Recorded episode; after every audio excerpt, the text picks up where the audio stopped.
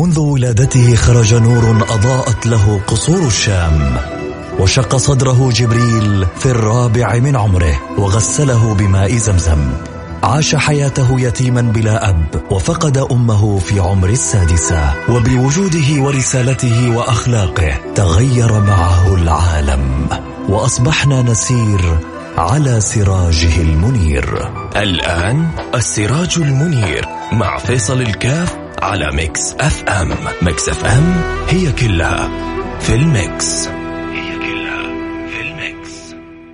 منذ ولادته خرج نور أضاءت له قصور الشام وشق صدره جبريل في الرابع من عمره وغسله بماء زمزم. عاش حياته يتيما بلا أب وفقد أمه في عمر السادسة وبوجوده ورسالته وأخلاقه تغير معه العالم وأصبحنا نسير على سراجه المنير. الآن السراج المنير مع فيصل الكاف على Mix FM. Mix FM هي كلها في ال Mix. هي كلها في ال Mix. السراج المنير مع فيصل الكاف على Mix FM. Mix FM هي كلها في ال Mix.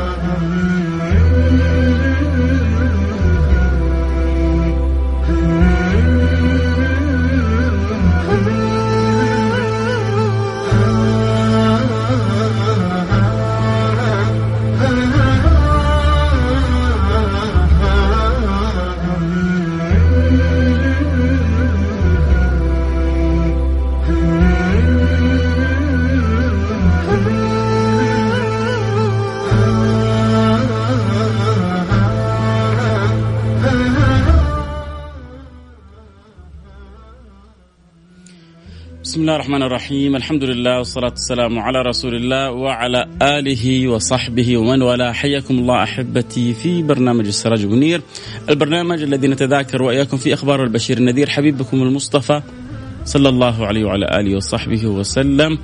الحديث الممتع لأن الكلام فيه عن أفضل وأجمل وأجل الخلق. حبيبكم المصطفى وكيف لا يستمتع القلب وكيف لا تطرب الفؤاد وكيف لا تأنس الروح.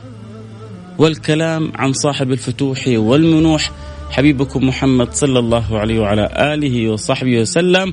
صدق من قال طربت وما طربت بآلة ولكن طربت بلحن بذكر محمد.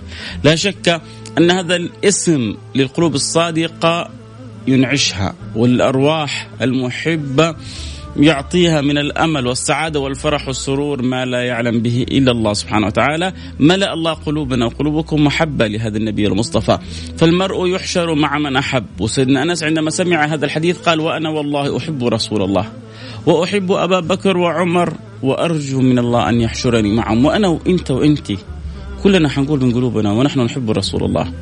ونحب سيدنا أبا بكر وعمر وعثمان وعلي والحسن والحسين وسيدتنا خديجة وسيدتنا عائشة وسيدتنا فاطمة. ونسأل الله سبحانه وتعالى أن يحشرنا معهم أن يدخلنا في زمرتهم. وأن لا يحول بيننا وبينهم اللهم آمين يا رب العالمين. ما, ما المراد من هذه الدنيا إلا أن نخرج منها وقد كتبنا في عداد المرضي عنهم في عداد الذين هم في صحبة وزمرة النبي المصطفى صلى الله عليه وعلى آله وصحبه وسلم. فالدنيا عندنا مهما طالت هي ممر والآخرة مقر. وما الدنيا بدار إقامة وما هي إلا كالطريق إلى الوطن. إذا أدرك الإنسان ذلك جعل جل همه وجهده وفكره. كيف يحسن ذلك المستقبل؟ كيف يحسن ذلك الوطن؟ كيف يبني بالبناء الصحيح حتى إذا حصل له التصريح بالتوجه إلى تلك الدار كانت مهيئة بأحسن ما تتهيأ به تلك الديار لأهلها. هيأ الله قلوبنا في الدنيا وهيأ الله ديارنا في الآخرة على الوجه المرضي في أعلى مراتب الرضا. اللهم آمين. يا رب العالمين. ما زال حديثنا أحبتي في برنامج السراج المنير عن علم الطب النبوي. ذلك العلم الذي حقيقة قلت وما زلت أقول أننا لم نخدمه بتلك الخدمة التي نستطيع أن نعرف الناس بقيمة هذا الحبيب المصطفى صلى الله عليه وعلى آله وصحبه وسلم وكذلك أن نخدم البشرية. فالعلم الذي عند النبي غير علوم باقي البشر. لأنه علوم باقي البشر قائمة على المجربات وقائمة على الفرضيات. وقائمة على النظريات وجزاهم الله كل من سعى في خدمة البشرية خير على الجهود البشرية التي يبذلها حتى تصل به إلى نتائج تنفع الكون وتنفع المجتمعات. أما العلوم النبوية هي علوم ربانية. هي من قبل خالق الأرض والسماوات. هي من قبل المرسل لهذا الرسول. لأن هذا الرسول صلى الله عليه وعلى آله وصحبه وسلم وبلغنا الله بهذا الحبيب كل سورة اللهم آمين يا رب العالمين. هذا النبي المصطفى لا يتكلم إلا بما يوجهه المولى سبحانه وتعالى وما ينطق وما ينطق وما ينطق عن الهوى إن هو إلا وحي. يوحى ولذلك يقول ابن القيم طب النبي طب قطعي طبنا طب ظني. تأتي تجارب فنستدل بها على نتائج ومدلولات ثم ربما تأتي نتائج أخرى. لا نسمع بعض الأدوية. بعض الأدوية عشرات السنين ربما تجرب ثم يخرج بعد ذلك آه، التوجيه أن هذا العلاج نافع لكذا. ثم بعد فترة يكتشف أن له أضرار سيئة أن له أضرار سلبية أو أنه كان التشخيص في غير محله أو أن التجارب لم تكن صحيحة. فيسحب الدواء من الأسواق ومن الصيدليات وهذا أمر طبيعي ليس بعيب. هذا الأمر البشري. والأمر البشري شيء والأمر الرباني شيء. فما أتانا من النبي المصطفى صلى الله عليه وعلى آله وصحبه وسلم أمر رباني والطب. النبوي طب رباني لو استطعنا أن حقيقة نتمعن فيه نتأمل في أحاديثه في في في الأدوية التي ذكرها الرسول صلى الله عليه وسلم في الأعداد التي أوصى بها النبي المصطفى في الحالات والتوجيه النبوي في, في علاجها. لو جمعت هذه وخدمت بأبحاث ومراكز لخرجنا للأمة وللكون بشيء كبير.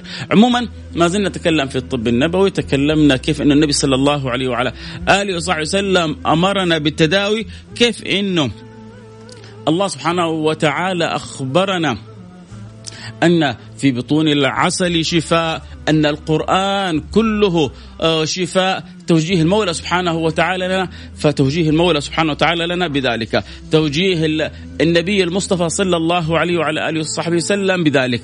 ومن قبل ومن بعد كلنا على يقين. وإن كنا نعلم أن الله سبحانه وتعالى ينزل في القرآن ما فيه شفاء وننزل من القرآن ما هو شفاء ورحمة للمؤمنين إلا أن الحقيقة أن الشافي هو الله وإذا مرضت فهو يشفين فإحنا نعرف إنه الله سبحانه وتعالى ينزل في القرآن ما فيه شفاء ويجعل في العسل ما فيه شفاء ويجعل في استخدام الدواء ما فيه شفاء ولكن الشافي هو الله وإذا مرضت فهو يشفين.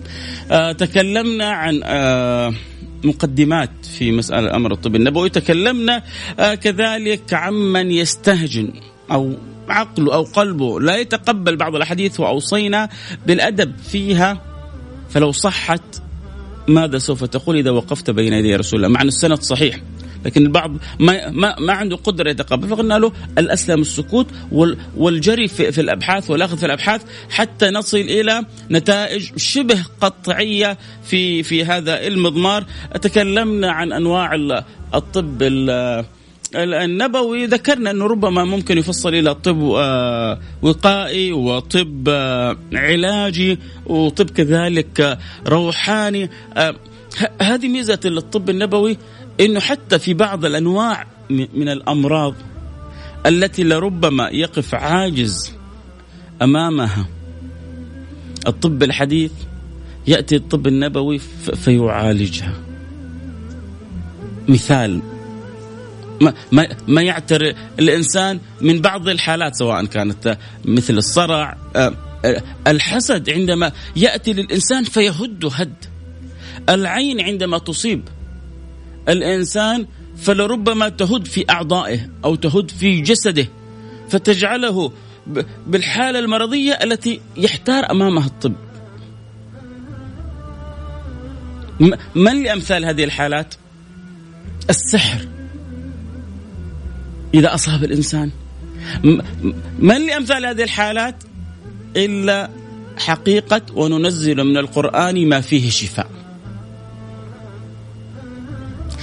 يأتي هنا الطب النبوي ليعالج والنبي صلى الله عليه وعلى آله وسلم استخدم الأنواع كلها بس هو في الحقيقة كلها اللي لازم نتفق عليها إحنا كمسلمين إنه الشافي هو الله سبحانه وتعالى هذه كلها أسباب سبب علاج السحر كذا سبب علاج العين كذا سبب علاج الحسد كذا سبب علاج الألم كذا الحمى الصرع آه الوجع ألم الضرس ألم المعدة آه آه ما يصيب الإنسان من عرق النسا آه ما يترتب على الحجامة ما يترتب على الانفصاد هذه كلها أسباب.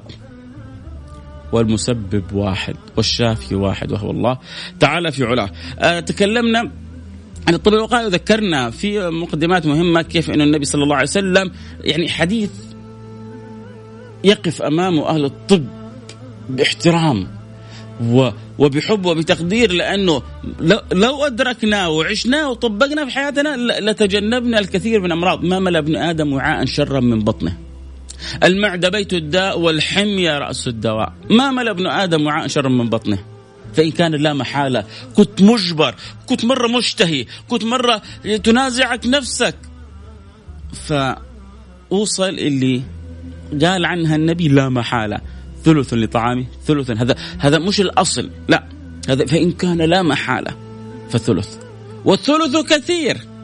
طبعا لو أدركنا ضي أما إحنا ما شاء الله تبارك الله نجلس على المسطح وما نقوم لين نبغى ونش إسعاف يشيلنا. نجلس على السفرة إلى درجة خلاص نتبطح في مكاننا مش قادرين من كثرة ما شاء الله تبارك الله. نعم من حولنا الله يرزقنا شكرها يرزقنا أدب معها ونتعامل معها بالطريقة الصحيحة. ذكرنا كذلك من الطب الوقائي التحسينات وهذه نقطة البعض كذلك أحب أن أؤكد عليها كثير. يا سادتي التحصين درهم وقاية خير من قنطار علاج. من أمراض الحس وأمراض المعنى.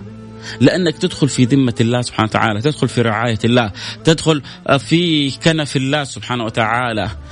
بأمور اجعلها ديدا في حياتك. في بعض الناس يا سادتي بتمر عليهم أيامهم لياليهم ما لهم نصيب من الأوراد. أوراد الصباح أوراد المساء كم يدفع الله بها بلاء. بلاء معنوي وبلاء حسي وبلاء حسي. فحصنوا أنفسكم يا سادتي بالأوراد. لا لا يمر على الإنسان يوم وليلة. بعضنا والله بتمر على أيام وليالي ما له نصيب من الأذكار. ما له نصيب من الأوراد. ما له نصيب من التحصينات هذه. وبعدين لربما يتشكى أو يتأذى. النبي صلى الله عليه وعلى اله وسلم يقول إنه من قرأ آخر آيتين من سورة البقرة كفتاه. من صلى العشاء في جماعة بات في ذمة الله حتى يصبح. ومن صلى الفجر في جماعة بات في ذمة الله حتى يمسي. وإنت حال عبد يكون في ذمة ربه. كيف تكون رعايته؟ كيف تكون العناية به؟ وكيف يكون شأنه ووضعه؟ واظب واظب احرص. من قال بسم الله الذي لا يضر مع اسمه شيء في الأرض ولا في السماء وهو السميع العليم ثلاثة مرات لم يصبه شيء في ذلك اليوم. أعوذ بكلمات الله التامات من شر ما خلق. الإخلاص، المعوذات، التعوذ من من من الحساد ومن الحاقدين ومن المؤذين من شر حاسد إذا حسد. يجي واحد يقول لك يا أخي إنتوا حاطين الحسد شماعة وانتوا ربنا ربنا اللي بيقول مش أنا ربنا بينبهنا إنه ينبغي أن نتعوذ من شر حاسد إذا حسد. معناه إنه الحسد موجود بنص القرآن. عندك مشكلة والله في فهم القرآن أو مع القرآن هذا إذا برنامج ما يناسبك. أما السحر ذكر في سورة البقرة. يعلمون الناس السحر. لكن حقيقة السحر زي ما قلنا أنه آه، الشافي هو الله فلا يمكن أن يحدث شيء في الكون هذا إلا بأمر الله. وما هم بضارين به من أحد إلا بإذن الله. ما يمكن لا سحر ولا غيره أن يحدث شيء في آخر إلا بأمر الله. ليش طيب؟ لله حكمة. لله في كل ما يجري في الكون حكمة. عجبا لأمر مؤمن. أمره كله خير. إن أصابته ضراء صبر فكان خيرا له. وإن أصابته شراء آه سراء شكر فكان خيرا له. لما تصيبك المصيبة تصبر تحصل أجر كبير عند الله سبحانه وتعالى. تصيبك المصيبة الحسنة تشكر فيتحصل لك أجر كبير كذلك. عند المولى تعالى في علاه.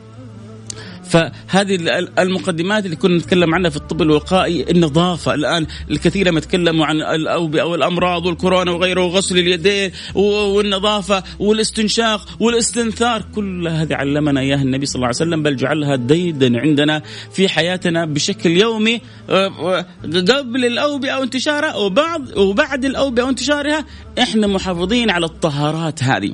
هذه الطهارات هي جزء من حياتنا. هذه الطهارات هي جزء من ديننا وديدنا في صلتنا بربنا في اتباعنا لسنة النبي صلى الله عليه وسلم وصلتنا بأنفسنا في حرصنا على نظافة وتطهير أنفسنا على الوجه اللي أحبه منا رسول الله صلى الله عليه وعلى آله وصحبه وسلم. ثم بعد ذلك تكلمنا أنه الطب العلاجي و الحبيب المصطفى صلى الله عليه وعلى آله وصحبه وسلم فسأل به خبيره كان كان خبير كان خبير صلى الله عليه وعلى آله وصحبه وسلم بما يكرمه به الملك الخبير الحق سبحانه وتعالى فيصف لهذا ذلك الدواء ويوجه هذا بذلك التوجيه وحنأتي إن شاء الله على عدد من الأدوية ولا أستطيع أن أحصرها لأنها تحتاج له ربما برنامج أو برامج لكن نعطي إشارات لبعض العلاجات التي وصفها الطبيب المصطفى صلى الله عليه وعلى آله وصحبه وسلم. وإن شاء الله حيأتي معانا بعد ذلك إن كتب الله في هذه الحلقة أو الحلقة اللي بعدها أو اللي بعد بعدها عمليات جراحية عملها النبي صلى الله عليه وعلى آله وصحبه وسلم من غير مشرط ولا إبرة ولا العجيب إنه آه، بعد العملية يرجع حال العضو أحسن مما كان مما كان عليه قبل أن يصيبه شيء. إيش إيش قوة الطب النبوي هذا اللي تجعل العضو عملية في العين. يقول الذي حصلت له هذه العملية كلما أردت أن أتذكر أي عين التي أرجعها لي رسول الله صلى الله عليه وسلم أتذكر بأن هي الأقوى نظر وأقوى حدة في البصر. أوه هذه اللي رجعها النبي ما شاء الله تبارك الله آه، رؤيتها وقوتها أقوى من العين الثانية. إنه حبيبكم محمد. إنه رسول الله صلى الله عليه وعلى آله وصحبه وسلم. سعدنا به في الدنيا ونسعد به في الآخرة. والله لا يحرمكم ولا يحرمنا لا محبته ولا كثرة ذكره ولا الصلاة عليه ولا التعلق به ولا الغرام والمحبة والهيام به في الدنيا ومرافقته في الآخرة. النبي صلى الله عليه وعلى آله وصحبه وسلم يقول أحد الصحابة سل ما شئت اللي تبغى أسأله. اسأل ما شئت. أسأل أي شيء أبغى؟ سل ما شئت. تتخيلوا إيش إيش إيش السؤال اللي ما بعده سؤال اللي كان يأخذ بعقل وقلوب ولب أصحاب النبي صلى الله عليه وعلى آله وصحبه وسلم. يا ترى إيش؟ تعرفوا إيش يا جماعة؟ الصحبة. المرافقة. قال له سل ما شئت. قال أسألك مرافقتك في الجنة. ذكي ذكي ذكي هذا الصحابي. عاقل. لو طلبت مليون بعد أيام ربما أموت وتنتهي. لو طلبت كنوز حيجي وقت ويورثوها أولادي وأنا أخرج من الدنيا. لكن الشيء اللي ما ينتهي مرافقة النبي في الجنة. الشيء اللي ما ينتهي صحبة النبي صلى الله عليه وعلى آله وصحبه وسلم. ولذلك كان كل الإدراك والعقل أن يطلبها. أسألك مرافقتك في الجنة. الشاهد أنه النبي صلى الله عليه وعلى آله وصحبه وسلم كما كان يربي المجتمع على الطب الوقائي كان كذلك يوجههم أن تداووا. فما من داء يقول لهم النبي تداووا. فما من داء إلا وأنزل الله له دواء. يعني روحوا وتعالجوا وكان هو صلى الله عليه وعلى آله وصحبه وسلم يوجه بهذا. وفي في, في العلاج يوجهك إنك تروح تتداوى وكذلك ما تغفل عن نفسك بأن كذلك تداويها ولو باتخاذ ما تيسر لك من الطب. ومنها كان يربي كذلك على الاعتماد على الله سبحانه وتعالى. كان النبي صلى الله عليه وعلى آله وصحبه وسلم عندما يأتي الصحابي يشكو له من ألم يقول له ضع يدك على المكان الذي يؤلمك وقل ثلاثا بسم الله بسم الله الرحمن الرحيم بسم الله بسم الله بسم الله. ثم بعد ذلك قل سبعا أعوذ بعزة الله وقدرته من شر ما أجد. ويحصل الشفاء ويحصل تحصل الاستطابة. ليش؟ لأنه فيها الوجهة إلى الله سبحانه وتعالى. أنا تعوذت بالله وتوجهت إلى الله وما يخيبني المولى آه، سبحانه وتعالى. النبي صلى الله عليه وعلى آله وصحبه وسلم ابن خالد سعد بن أبي وقاص عندما مرض آه، طلب له الحارث بن كلدة الثقفي الذي اشتهر بالطب في زمانه وأخبروه أنه مفقود عليه أن يستعمل الدواء الذي وصفه له. النبي كان وجه سعد يقول له روح وجيب هذا الطبيب. قريبك لأنه عنده خبرة في الطب فاذا النبي صلى الله عليه وعلى آله وصحبه وسلم كان مع أصحابه يستخدم آه، التربية على العلاج بذكر الله سبحانه وتعالى ويربيهم كذلك على الطلب التداوي واستخدام ما هو دواء. خلونا كذا نمر على بعض الحالات والعلاجات اللي ذكرها النبي صلى الله عليه وعلى آله وصحبه وسلم. مثلا في في الحمى وهذا الآن يستخدم بكثرة في المستشفيات. وربما يقول الإنسان هذا أمر بديهي لكن نستأنس به وهو من كلام الحبيب صلى الله عليه وسلم. ثم بعد ذلك نأخذ علاجات كذلك أخرى. مثلا الحمى فقال كان يقول النبي إنما الحمى أو شدة الحمى من فيح جهنم فأبردوها بالماء. وأنا أذكر أنا بالنسبة لي يوم من الأيام كنت في الابتدائي ووصلت الحرارة عندي قريبة ل 42 تعتبر جدا جدا جدا عالية أظن في المفهوم الطبي. حتى أن الوالد لما أخذني من المستشفى حملني حمل. ما خلاص أطرافي مش مش قادر على الحركة. كابرت كابرت كابرت. أظن كانت عندنا حصة رياضة وما كنت أبغى أفوت ذاك اليوم في المدرسة. وجلست ألعب وفي عز الشمس لين طحت في مكاني. فأول حاجة سووها لي لما ودوني للمستشفى على طول على الحمام اللي عندهم وروشوني بالموية الباردة. وبعد ما تروش بالموية الباردة أذكر نيموني على السرير و وضعوني فيه وسبع أكياس مثلجة زرقاء ماني عارف هل فيها مادة زرقاء أو إيش. المهم سبع أكياس عبارة عن ثلج أذكر حتى ما زلت لونه كيس أزرق. اللون لون أزرق وضعوا على كل طرف من أطراف جسمي حتى تنزل الحرارة. وإذا بهذا العلاج السريع يوجه فيه النبي صلى الله عليه وعلى آله وسلم كل من يصيبه حمى على طول. أول حاجة يحتاج إنك تسويها وتعمل بها إنك تبردها بالماء. آه كذلك آه ما يصيب البطن. لما جاء رجل وأخبر النبي صلى الله عليه وعلى آله وصحبه وسلم أنه عنده قريب ويشتكي ألم في بطنه. قال إن أخي يا رسول الله يشتكي بطنه. وفي رواية أنه آه، سطلق بطنه. فقال اسقه عسلة سقاه. في المرة الأولى. ثم سقاه في المرة الثانية. رجع رسول الله قال سقيته عسل ولم يعني يغني عنه شيء ولم يزده إلا استطلاقا. فقال له النبي صلى الله عليه وسلم أسقه عسلا. صدق الله وكذبت بطن ابن أخيك. قال فسقاه في الثالثة أو في الرابعة فشفاه الله سبحانه وتعالى. أحيانا يعني مثل ما إحنا بنشوف أحيانا بعض الأدوية تأخذ فترة عشان يحصل الشفاء. وفي بعض الناس عجولين. من أيام النبي في ناس عجولة. يبغى يشرب العسل النبي قال يشرب العسل أبغى أشربه من هنا ويحصل الشفاء من هنا. لا هو الدواء بيأخذ وقته. ومفعوله بيأخذ وقته. واليقين في الله سبحانه وتعالى ينبغي أن يصل فعلا النبي قال لك اسقي عسل انتهى الموضوع. خذها بيقين. طيب بطن أخوي بتزيد. طيب هذا يمكن العسل جالس بيطهر بطن أخوك.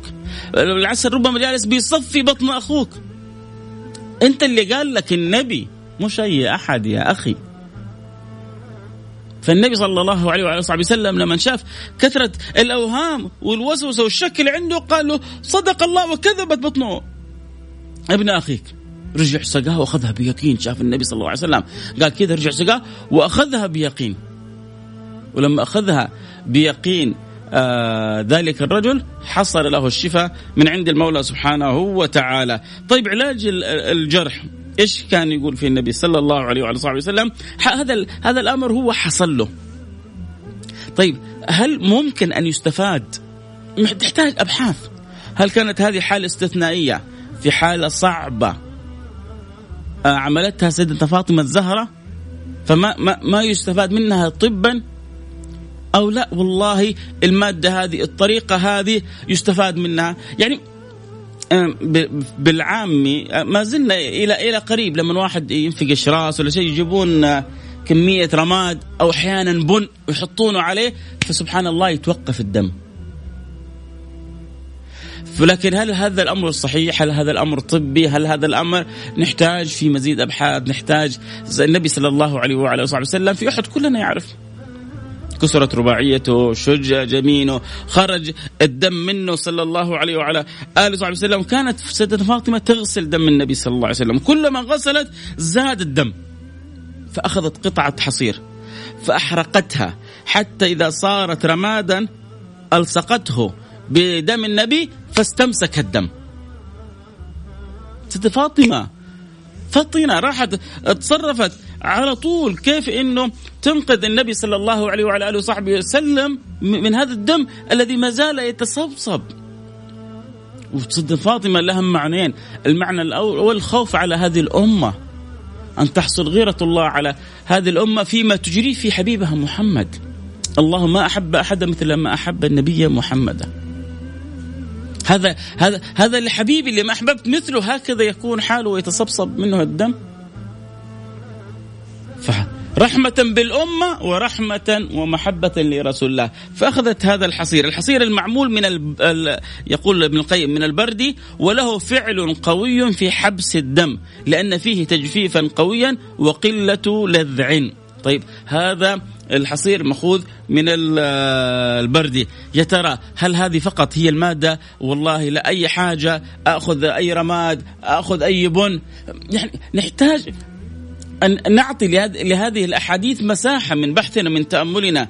طيب في قطع العروق والكي. ثبت في الصحيح من حديث جابر. ابن عبد الله أن النبي صلى الله عليه وعلى آله وصحبه وسلم بعث إلى أبي بن كعب طبيبا. فقطع له عرقا وكواه عليه. مع أن النبي صلى الله عليه وسلم قال الشفاء في ثلاثة. شربة عسل شرطة محجم حجام. حجامة يعني والكي وإني نهيتكم عن الكي وكأن النبي صلى الله عليه وسلم يقول اجعلوا دائما آخر الأمر إن اضطررتم إليه الكي ولا تجعلوه أول الأمور. ما زلنا متواصلين في الكلام مع طب. النبي الأمي الأمين حبيبكم محمد صلى الله عليه وعلى آله وصحبه وسلم. والعالم كله عندما يتكلم عن الطب حده حده حده حدوده طب الجسد. مع إنه القلب له طب. آه القلب يمرض. وذكرنا وقلنا ربنا بيقول في الكتاب العزيز في قلوبهم مرض. القلب يمرض. فمن فمن يملك العلاج لذلك القلب إذا مرض؟ وإيش هي الأمراض اللي تصيب القلب؟ ميزة الطب النبوي أنه يعالج الجسد ويعالج الروح يعالج البدن ويعالج ما بداخل البدن يعالج ظاهرك الطب النبوي يعالج الظاهر ويعالج ظاهر الإنسان ويعالج باطن الإنسان وهذه لا تكون إلا في طب الحبيب المصطفى صلى الله عليه وعلى آله وصحبه وسلم. أمور يقف امامها الطب عاجز.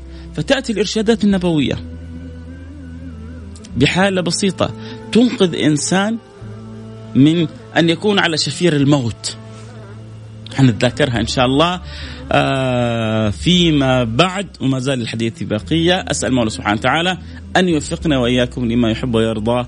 اللهم آمين يا رب العالمين. حروح الفاصل سريع. أحبتي ونرجع نواصل، حاب تتابع الحلقة أكيد صوت وصورة. ينضموا لنا على تويتر @فيصل كاف أو على الإنستغرام live @فيصل كاف. فاتحين الإنستغرام live وفاتحين تويتر. آه، كلها فيصل كاف F A I S A L K A F. حنتكلم أو حنحاول نستمر في ذكر بعض العلاجات اللي ذكرها النبي صلى الله عليه وعلى آله وصحبه وسلم. علاج مثلا عرق النسا والنبي صلى الله عليه وعلى آله وصحبه وسلم كيف أوصى آه، أصحابه في من عنده عرق النسا ماذا يعمل؟ آه، بعض أنواع العلاجات الأخرى في الصرع وغيره وكيف النبي صلى الله عليه وعلى اله وسلم عالج أمور أخرى الطب الحديث لربما يعجز عنها. يلا أروح عند الطب الحديث يقول أنا عندي هم. أنا عندي غم. أنا متعب. إيش حيقول لك؟ حنواصل إن شاء الله الحديث بعد الفاصل آه ونرجع إن شاء الله نتواصل زي ما قلنا اللي يتابع الحلقة الصور ينضم لنا على الإنستغرام لايف @فيصل كاف وعلى تويتر @فيصل كاف وطبعا الحلقة أكيد آه مشكورة قناة اقرأ حتبثها في المساء الساعة التاسعة مساء وفقنا الله وإياكم لما يحب ويرضاه. السراج المنير مع فيصل الكاف على Mix FM، Mix FM هي كلها في ال Mix. بسم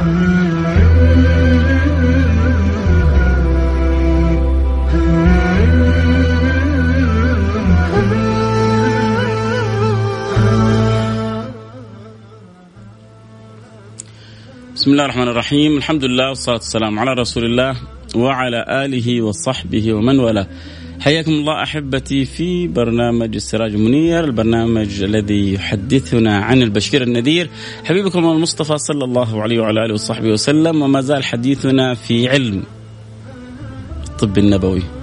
في هذا العلم الذي أظن والله أعلم أنه ما زلنا في بدايات البدايات فيه خصوصا فيما يتعلق بالربط بين كلام النبي المصطفى صلى الله عليه وعلى آله وصحبه وسلم والأبحاث والمختبرات والخبراء وغوصهم في هذا الكلام وإخراج شيء نافع للأمة. ولربما للأسف بعضنا ينتظر أين المراكز الغربية؟ اين اين إحنا المسلمين أولى الناس برسول الله صلى الله عليه وعلى آله وسلم. إحنا المسلمين أولى الناس بخدمة كلام النبي سواء كنا حكومات أو دول أو تجار أو أثرياء ايا كان كل من يستطيع أن يخدم في هذا المجال سوف يقدم شيء كبير لهذا الكون ولهذه الأمة. نخرج من أن نكون دائما دول مستهلكة إلى أن ننفع الأمة بيقين بما قاله سيد المرسلين صلى الله عليه وعلى آله وصحبه وسلم.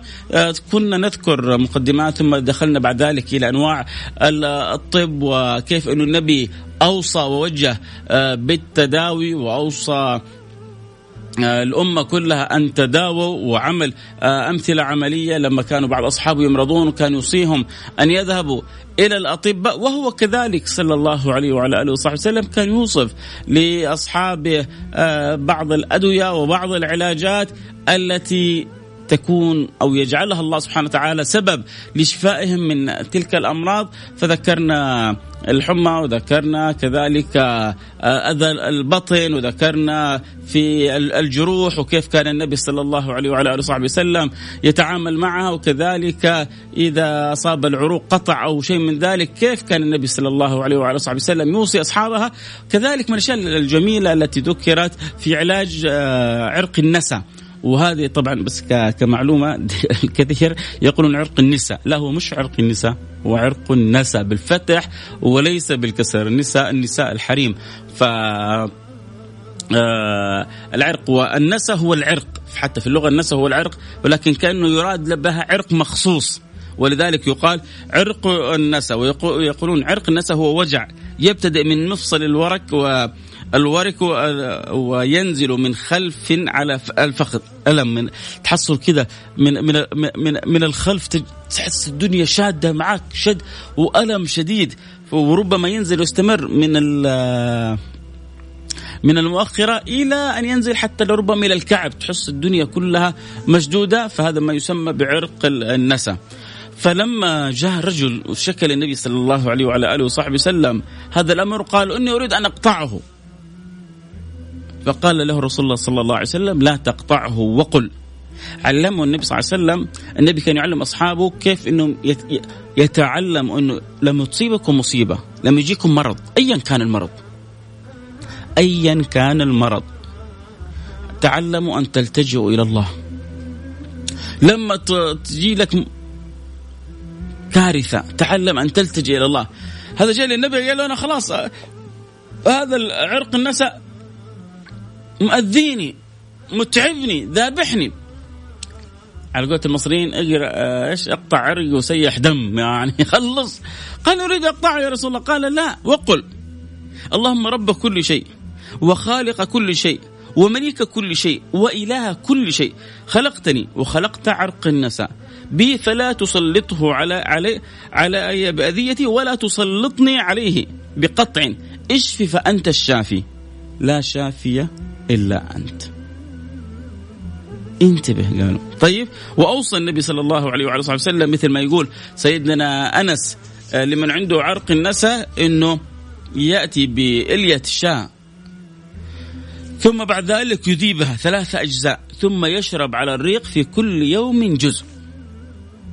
يأتي بألية شاء أعرابية ويذيبها ويجعلها على ثلاثة أجزاء ويشرب كل يوم جزء. فالنبي صلى الله عليه وسلم أعطى هذا العلاج. طيب هنا الشاة عندنا معروفة والإلية معروفة وإذابتها ما هي صعبة. إيش الرابط ما بينها وما بين عرق النساء؟ نجلس نأخذ هذه نوصل بأبحاث. طبعا في هو في انت ما شاء الله الناس منتظرة كلامك يا عشان تسوي أبحاث لا الناس سوت أبحاث أكيد. لكن العلم لا ينتهي. ولا يتوقف العلم عند باحث ولا عند عالم. كلام النبي صلى الله عليه وعلى آله وصحبه وسلم نبراس يستضيء منه كل الناس جيل ورا جيل وناس بعد ناس وجمع بعد جمع وأحباب بعد أحباب يستفيدون من كلام سيد الناس حبيبنا المصطفى صلى الله عليه وعلى آله وصحبه وسلم. هذا بس أنا أبغى ألفت النظر إلى أنه في مثل هذه الأحاديث عشرات بل مئات الأحاديث.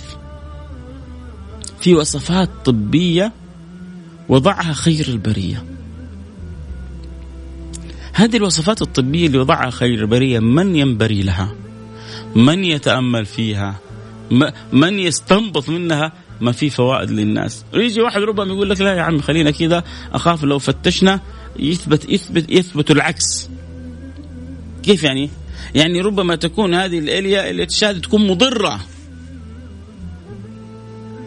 فلربما تكون بإثبات إنها مضرة نخلي الناس يشكون في ديننا الإسلام. لا لا لا والله ما والله شعرة واحدة ما ما, ما, ما تخليني أشك. لاني أنا أعرف انه لربما يجري الله على لسان حبيبي ما يكون أمر معجز للعالم.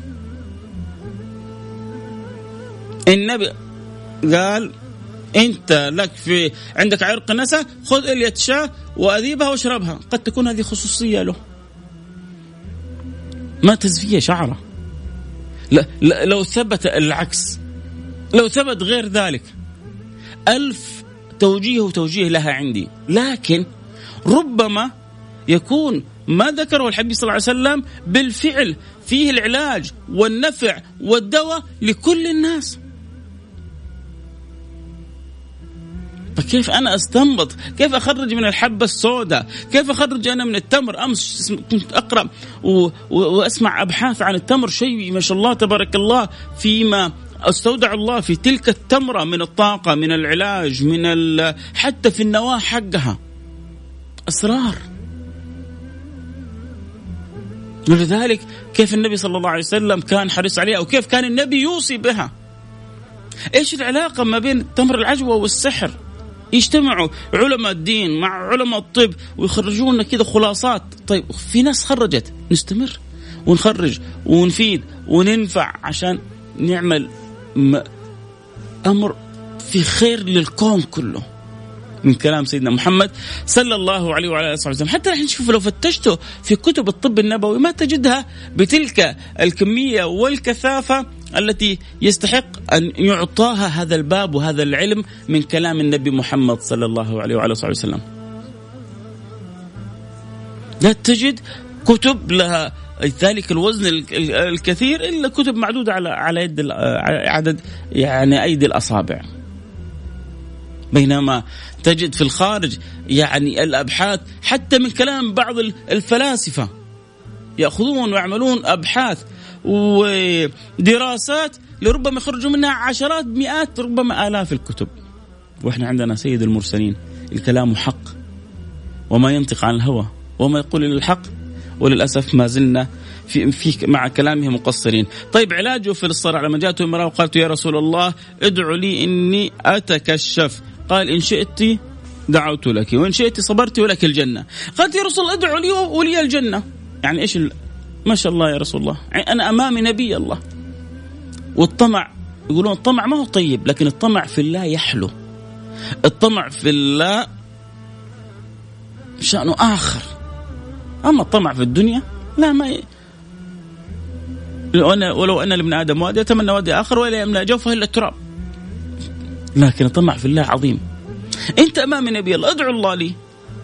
إنه يرفع عني هذا البلاء وأدخل الجنة. فدعا لها النبي صلى الله عليه وعلى آله وصحبه وسلم فحصل لها الشفاء. طبعا هذا الأطباء أنا سمعت عدد من الأطباء النفسيين بعضهم عندهم من الإيمان ما يتأدى في مع هذا الحديث ولكن العلم الحديث لربما يخالف كثير من من هذه القواعد. وبعضنا متأثر بالعلوم الغربية فينكر تماما. ينكر تماما. طبعا جزء من الإنكار إحنا سبب فيه. جزء من الحالة اللي خلت عند البعض إنكار لأمثال هذه الأمور كلها إحنا السبب فيه. تعرفوا ليه يا جماعة؟ لأنه صار عندنا الحالات هذه النفسية صارت شماعة بالذات العين والحسد. الولد يمشي طاح حفرة عين ما صلت على النبي. اشترى سيارة جديدة ما يعرف يسوق صدم عين ما صلت على النبي. آه ما ذاكر ودخل اختبار ورسب. جالسين له جالسين له قاعدين لولدي. ما الولد آه زي الفل زي العسل ويرسب ليه؟ طب ولدك ما ذاكر.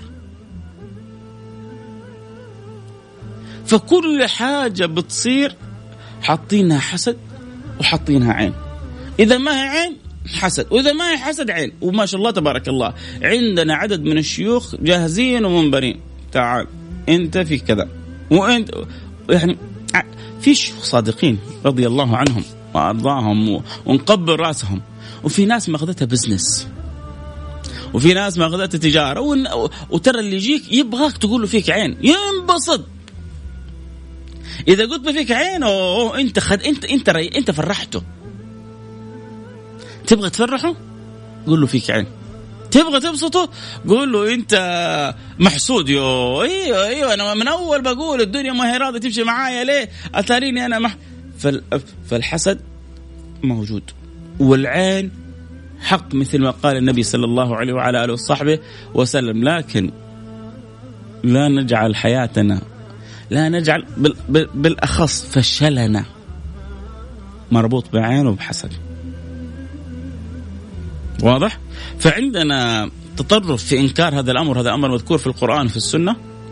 وعندنا كذلك تطرف في الطرف الآخر إنه كل حاجة في حياتنا بنحولها إلى حسد وعين. ويا أخي وبعدين ترى الحسد والعين وغيرها هذه مثل الأمراض لها علاجات وفي في تحصينات.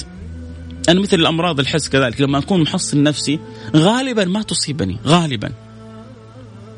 اكلي منتظم. رياضتي آه، مستقيمة. بعيدة عن الخبائث. الله سبحانه وتعالى آه، يحل لهم الطيبات ويحرم عليهم الخبائث. فأنا متخذ الأسباب فغالبا ما تأتيني الأمراض. من فين تأتيني الأمراض؟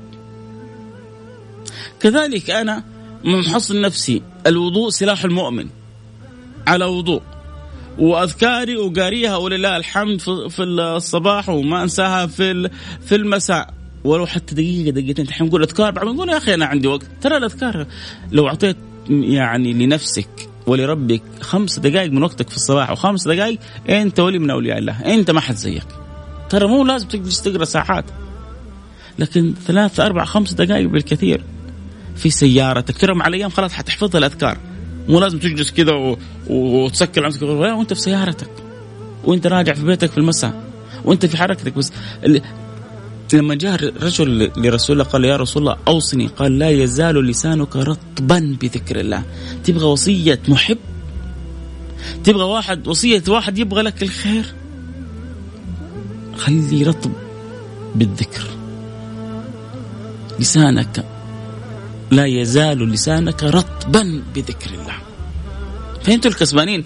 يا جماعة المهم فالنبي صلى الله عليه وعلى آله وسلم عالج هذا آه العلاج اللي يعني يذكر ابن القيم يقول انه بعض الأطباء لربما يعني جهالتهم يجهلون مثل هذه الأمور ولكن لا ينبغي أن يجعلون جهلهم معنى كلامه إنه ضابط أو ميزان لعلم النبي صلى الله عليه وسلم هم على قدرهم وينبغي للإنسان أن يعرف حجمه ويعرف قدره. اذا تكلمنا على عجالة عن بعض العلاجات عن بعض التوصيفات وقلنا إنه مش مئات لربما آلاف الأحاديث لو جمعناها حتكون في توصيفات حسية لأمراض حسية أوصى بها النبي صلى الله عليه وعلى آله وسلم لأصحابه، كيف نجمعها، كيف نخدمها، كيف ننتبه لها. كذلك في أمر مهم جدا يعني شوفوا لو تكلمنا كذا عن أمهات إحنا قلنا العلاجات في علاج وقائي وعلاج آه، آه، طبي يعني أو يعني دوائي وعلاج روحاني صح؟ في علاج وقائي ما هو ما قبل المرض وعلاج دوائي في حال المرض وعلاج كذلك روحاني قبل وأثناء وبعد المرض. آه، هو الأمراض نفسها ممكن إحنا نعتبرها طب جسدي وطب نفسي وطب قلبي. مرض جسدي مرض نفسي مرض قلبي. والمرض النفسي غير المرض القلبي. والنبي صلى الله عليه وسلم عالج المرض الجسدي. وعالج المرض ربما سابقا تتكلم عن المرض النفسي يعني الناس لا تتقبل. لكن الآن من أكثر العيادات للأسف انتشار في العالم عيادات الاكتئاب عيادات الطب النفسي لأن الناس تعبانة. إيه، الناس في داخلها آلام وآمال مواجع هم غم كرب ضيق. تجلس مع واحد كل شيء حوله. يقول لك يا أخي عندي ضيق. تجلس مع واحد كل شيء مسخر له. أحسن وظيفة وأحسن زوجة وأحسن بيت ورصيد وحساب وكذا. يقول لك يا أخي عندك اكتئاب يا أخي شديد. فحتى الحالات النفسية هذه كم وكم وكم أعطى لها النبي من علاجات ومن أدوية وأدوية بسيطة. ميزة علاجات النبي وأدوية النبي أنها غير مكلفة. يعني مثلا في العلاج من من الهم والغم. ومين فينا أحيانا ما ما يعتريه هم أو غم؟ النبي صلى الله عليه وسلم يقول لك عند الكرب اجعل ديدا. ما هو تشوف الجماعة اللي بيحافظ على أذكار بيتخلص من هذه الأمراض. ذلك الرجل قال والله لو يعلم الناس ما نحن فيه من نعيم لقاتلون عليه ولو بالسيوف. لو يعلم الناس ما ليش؟ لأن قلوب عامرة بذكر الله قلوب مطمئنة بربها. اللي ضايع على الناس يا جماعة اللي ضايع على الناس في الزمان هذا صلتها بربها. هي اللي أعيتها وهي اللي أمرضتها وهي اللي أتعبتها. الناس متعبة لأنه الحياة المادية بزخرفها وبجمالها سرقت الناس فأضاعتهم عن الصلة برب الناس. لذلك النبي يقول لما يجي لك كرب قل لا إله إلا الله العظيم الحليم، لا إله إلا الله رب العرش العظيم، لا إله إلا الله رب السماوات ورب الأرض ورب العرش الكريم، لا إله إلا الله العظيم الحليم، لا إله إلا الله رب العرش العظيم، لا إله إلا الله رب السماوات ورب الأرض ورب العرش الكريم، لما تقولها على الأقل ثلاث مرات في الصباح، ثلاث مرات في في المساء، هذه تدفع تدفع عنك الهم والغم والكرب. كان النبي صلى الله عليه وسلم سيدنا أنس يقول إذا حزبه أمر. يعني أصابه هم. قال يا حي يا قيوم برحمتك أستغيث. شوف الإنسان لما تجيله ربما أحيانا مصيبة فيشعر إنه خلفه ظهر. آه عندي ألم. عارف اني راح المستشفى وحصل علاج. في راحة نفسية تدخل له تجعل بوادر الشفاء تتسابق له. فلذلك النبي صلى الله عليه وسلم يا حي يا قيوم برحمتك أستغيث الله أنا معي ربي إن معي ربي سيهدين. هذه هذه الدعوات كم هي مثل البلسم للمجروح؟ كم لها أثر في دواء تلك الجروح؟ سيدنا رسول الله صلى الله عليه وعلى آله وسلم كما جاء في سنن أبي داود قال دعوات المكروب اللهم رحمتك أرجو فلا تكلني إلى نفسي طرفة عين وأصلح لي شأني كله لا إله إلا أنت. سيدنا رسول الله صلى الله عليه وسلم يقول لأسماء بنت عميس ألا أعلمك كلمات تقولينها عند كل كرب؟ الله الله ربي لا أشرك به شيئا. الله الله ربي لا. إيش دخل هذا؟ أنا عندي كرب. الله. لفظ الجلالة. أنت لو تعرف بس قيمة لفظ الجلالة عندما يتنور بها قلبك كم ينصرف؟ أحيانا أشياء بسيطة لا حول ولا قوة إلا بالله. تدفع سبعين أمر أدناها الهم. الله. إيش يعني؟ لا حول ولا قوة إلا بالله. ما هو لما تقولها وتذوقها وتعيشها تعرف معنى كلام النبي أن تصرف سبعين هم أدناها سبعين أمر أدناها الهم. والهم هو أصلا مصيبة المصايب أه، الهم إذا جاء للإنسان يفلقه يجيب له جلطة يجيب له شلل يجيب له الهم لما يعتري الإنسان. لكن الإنسان لما يخرج من حوله وقوته إلى حول المولى سبحانه وتعالى وقوته يدرك.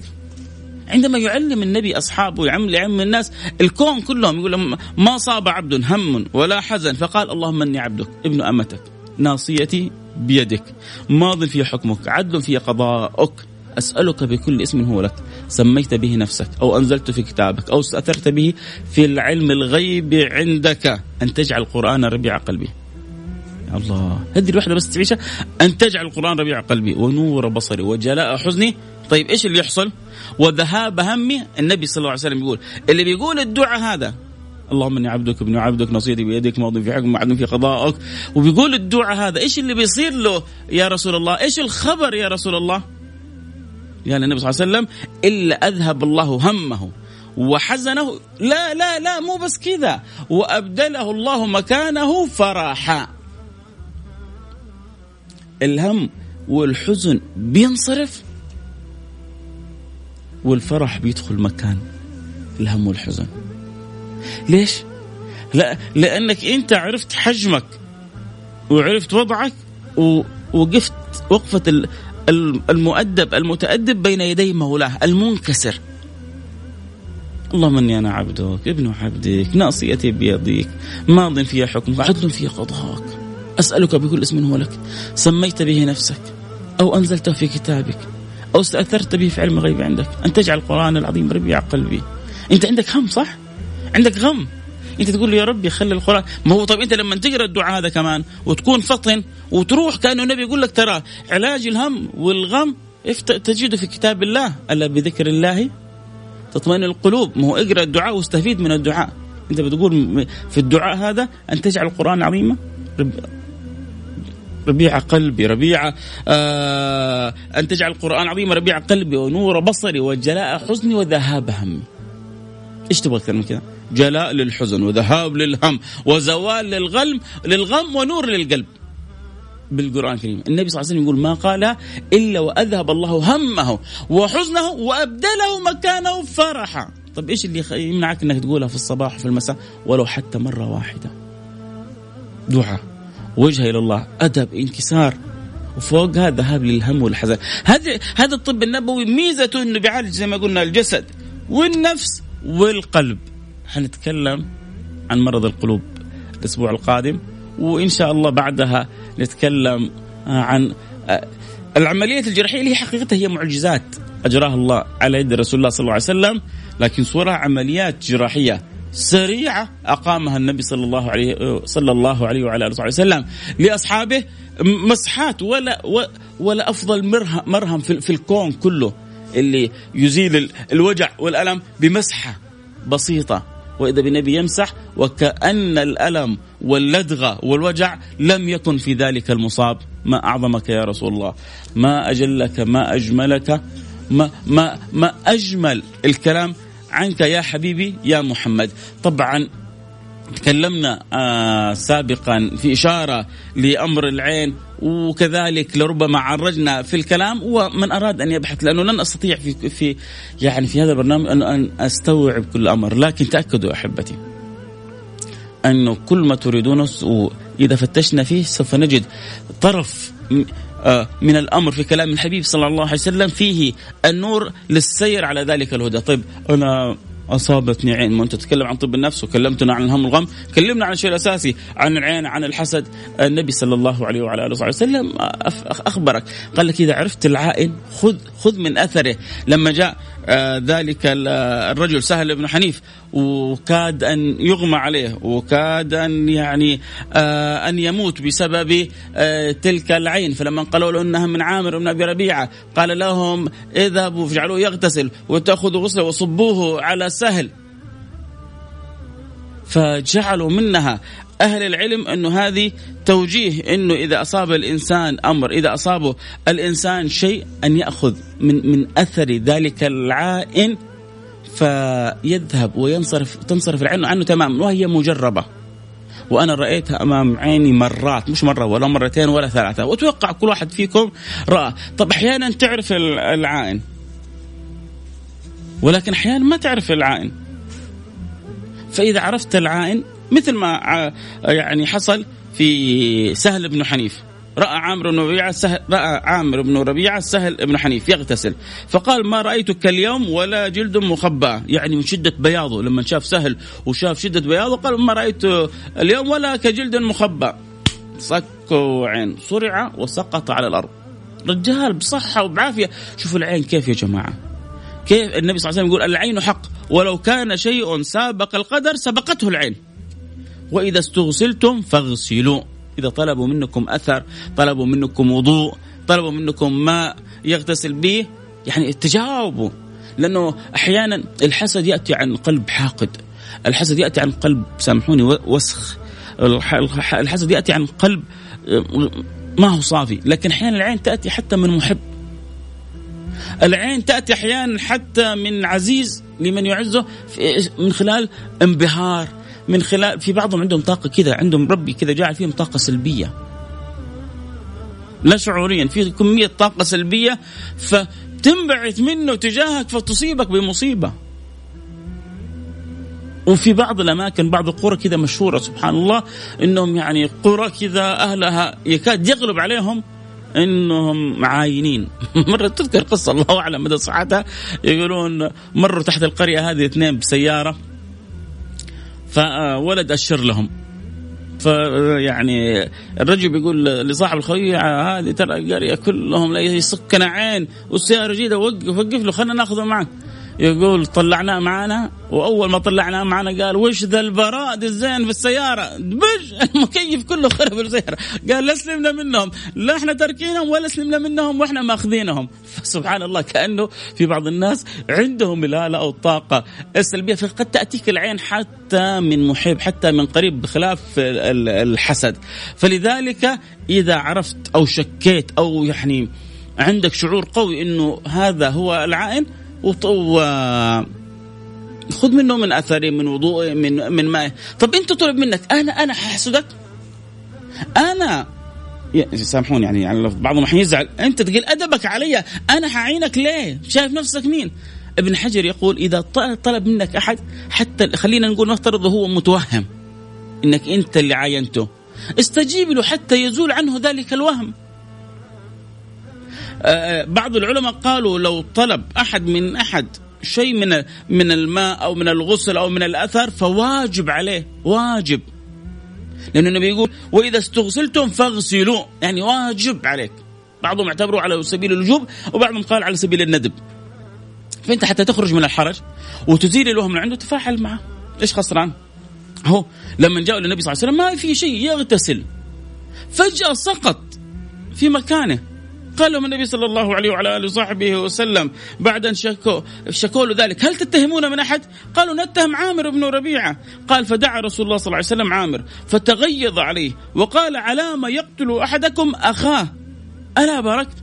اذهب فاغتسل. فغسل عامر وجهه ويديه ومرفقيه وركبتيه وأطراف رجليه وداخل ازاره وداخلة إزاره في قدح ثم صب عليه فراح سهل فراح من سهل ألباس وذهب مع الناس.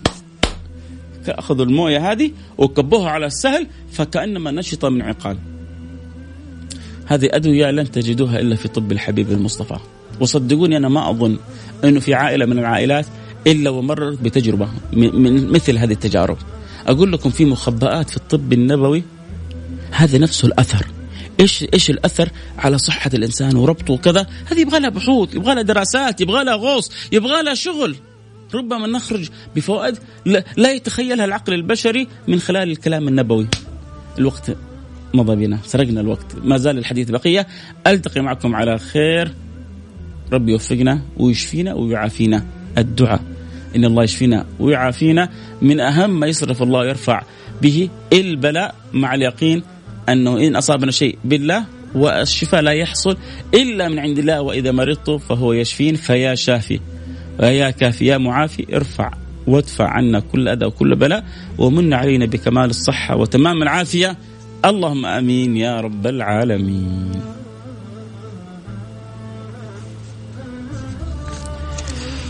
حياكم الله أحبتي ما شاء الله تبارك الله الوقت جرى بينا جري إن شاء الله نتكلم عن طب القلوب في الأسبوع القادم ونتكلم عن بعض الحالات اللي عالجها الحبيب المصطفى صلى الله عليه وعلى آله وصحبه وسلم الطبيب الأعطر الانور الأزهر الأفخر حبيبكم محمد صلى الله عليه وعلى آله وصحبه وسلم. نختم حلقتنا بالدعاء نتوجه إلى الله سبحانه وتعالى ونقول بقلوب صادقة يا رب.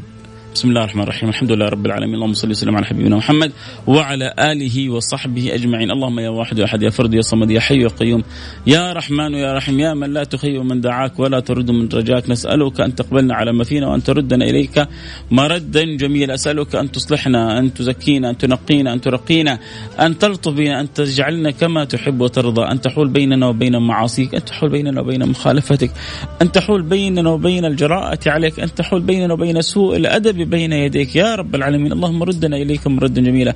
اللهم نعوذ بك من عين تعصيك. اللهم نعوذ بك من لسان يخالفك. اللهم نعوذ بك من قدم تسير إلى ما لا يرضيك. اللهم نعوذ بك من يد تسرق أو تأخذ ما لا يحل ولا يحق لها. يا رب العالمين اللهم ارزقنا الاستقامة في أعضائنا وفي جوارحنا وفي جوانحنا وفي قلوبنا وقوالبنا وكل شيء فينا. يا رب العالمين اللهم ارزقنا الاستقامة واجعلها لنا أعظم كرامة. وردنا إليك مردا جميلا واجعلنا كما تحب وترضى اللهم علق قلوب شبابنا أولادنا وبناتنا بك وبحبيبك محمد. اللهم انزع من قلوب أولادنا وبناتنا كل أمر لا يرضيك عنا ولا عنهم. يا رب العالمين. اللهم أصلحنا حبب لنا الطاعة. اللهم ذوقنا حلاوة الطاعة. اللهم اجعلنا ممن يعشق الطاعة. اللهم نسألك أحبتي من قلوبكم قولوا آمين. اللهم نسألك أن تجدنا حيث أمرتنا وأن تفتقدنا حيث نهيتنا. اللهم نسألك أن تجدنا حيث أمرتنا وأن تفتقدنا حيث نهيتنا. اللهم نسألك أن تجد أن تجدنا حيث أمرتنا وأن تفتقدنا حيث نهيتنا. اللهم اصلح الراعي والرحية واصلح الأمة المحمدية، اصلح لنا بلادنا خاصة وسائر بلاد المسلمين عامة. احفظ بلادنا يا رب يا رب سمعنا بهذا البلاء انتشر في كل مكان. ولله الحمد ولله المنة ولله الفضل أن بلاد الحرمين ما زالت محفوظة. اللهم يا حافظ يا حافظ يا حفيظ يا حافظ يا حفيظ يا حافظ يا حفيظ. احفظ بلادنا من هذا الوباء خاصة ومن سائر الأذى عامة. احفظ بلادنا من, سا... من هذا الوباء خاصة ومن سائر الأذى عامة. احفظ بلادنا من هذه الكورونا خاصة ومن سائر الأذى عامة. ومن على كل من أصابه شيء منها في العالم بالشفاء. اللهم نسألك أن تعجل. لا شافي إلا أنت، اللهم فعجل بما يكون فيه سبب الشفاء، اللهم إن الباحثين يبحثون والأطباء منشغلون وأنت المعين وأنت القادر اللهم إنا نسألك يا رب العالمين أن تعجل بال ايجاد ما يكون سببا للشفاء، اللهم اجعله على يد مسلم، اللهم اجعل إيجاد ذلك الأمر على يد مسلم يكون فيه نفع للناس وأبواب هداية للكون. يا رب العالمين وارحمنا وارحم أحبتنا برحمتك الواسعة، اللهم يا رب العالمين وفق خادم الحرمين الشريفين لكل ما تحب وترضى. أعنه وخذ بيده وسدد له الخطى وابعده عن الزلل والخطأ. وقر عينه في شعبه. وقر عينه في ولي عهده وقر عينه في كل من يقوم بالخدمة يا رب العالمين. اللهم واجعل ولي العهد خير معين له وفقه لتحقيق ما فيه الخير للعباد والبلاد يا رب العالمين. ما معهم من رؤيا ما معهم من طموح وما معهم من حب لهذه البلاد اللهم فكن له معينا وكن بيده آخذا لما فيه الخير للعباد والبلاد. واجعلنا واجعلهم كما تحب وترضى وارحمنا وارحم أحبتنا برحمتك الواسعة. إنك أرحم الراحمين. اللهم نسألك بتعجيل الفرج عن حال عن عن بلادنا. أينما كانت؟ أهلنا في اليمن وأهلنا في الشام وأهلنا في ليبيا وأهلنا في العراق وفي لبنان وفي كل مكان. يا رب العالمين من لهم إلا أنت؟ اللهم نسألك أن تديم علينا نعمة الأمن والأمان في البيتين في الحرمين الشريفين وأن تحرر لنا أولى القبلتين وتكرمنا بالجمع فيها والصلاة فيها وأنت راضي عنا وترحمنا برحمتك الواسعة إنك أرحم الراحمين. اللهم نسألك توبة قبل الموت. توبة قبل الموت. اللهم نسألك توبة قبل الموت وشهادة عند الموت ومغفرة بعد الموت وعفو عند الحساب وأمان من العذاب. وأن ترزقنا الجنة وأن ترزقنا قولوا يا رب قولوا يا رب أن ترزقنا النظر إلى وجهك الكريم. يا كريم يا كريم ارزقنا النظر إلى وجهك الكريم يا كريم. يا كريم أكرمنا أكرمنا بالنظر إلى وجهك الكريم وإلى صحبة النبي العظيم. في ذلك اليوم يا رب العالمين جعلنا من أقرب الخلق إليه. أقربكم مني مجلسا يوم القيامة. أحاسنكم أخلاق حسن أخلاقنا. حسن أخلاقنا وحسن صفاتنا وآدابنا ومعاملاتنا حتى نكون من أقرب الخلق لرسول الله صلى الله عليه وعلى آله وسلم. في ذلك اليوم. اللهم من يسمعني في هذه الساعة وله حاجة.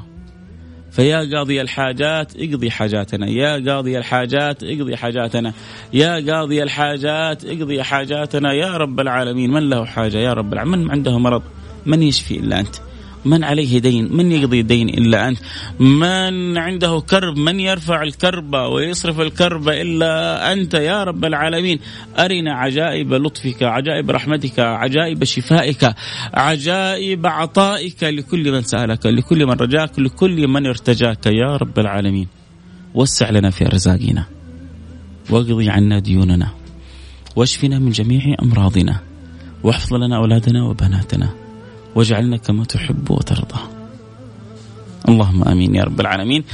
صلى الله وسلم على سيدنا حبيبنا محمد وعلى آله وصحبه أجمعين، الحمد لله رب العالمين، جمعتكم مباركة يا أحبتي يا سادتي، لا تنسوا قراءة الكهف، لا تنسوا الصلاة على رسول الله صلى الله عليه وعلى آله وصحبه وسلم، لا تنسوا إنه في ساعة يستجاب فيها الدعاء. آه لا تضيع وقت من الأوقات. يعني وأنت في الكورنيش ما يعني نص دقيقة دعوة.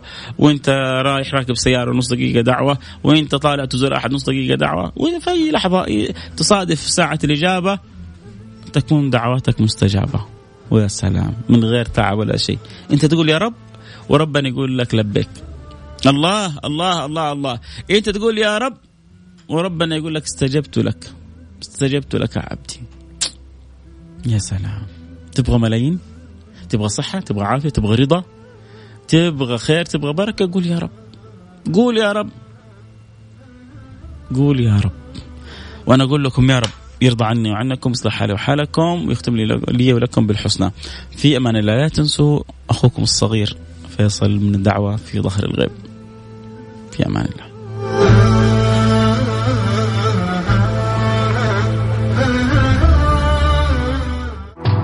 السراج المنير مع فيصل الكاف على Mix FM. Mix FM هي كلها في ال Mix.